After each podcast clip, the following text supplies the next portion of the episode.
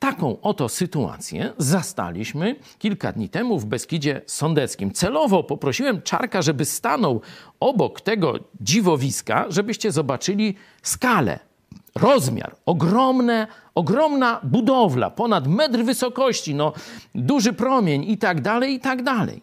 To oczywiście mrowisko.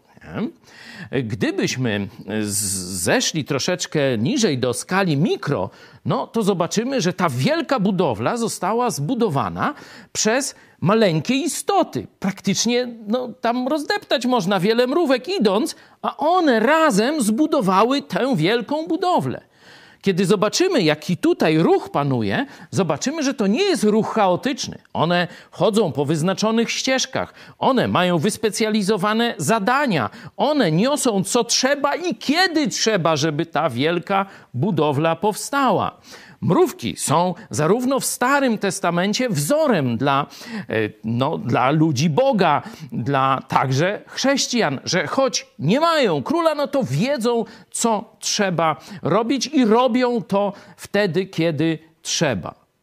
Zobaczcie, że w liście do Galacjan, 5 rozdział, 25 werset, efektem tego, że chrześcijanin żyje w posłuszeństwie Duchowi Świętemu, że jest duchowym chrześcijaninem, jest taki oto skutek. 25 werset. Jeśli według ducha żyjemy, według ducha też postępujemy.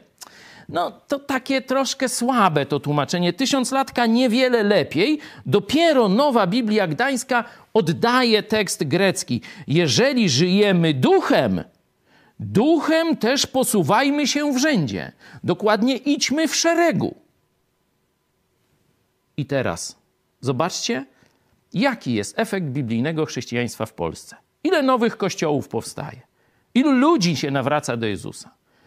We Francji, która jest tak samo albo gorzej laicka niż Polska, na 10 dni powstaje jeden nowy chrześcijański ewangeliczny kościół.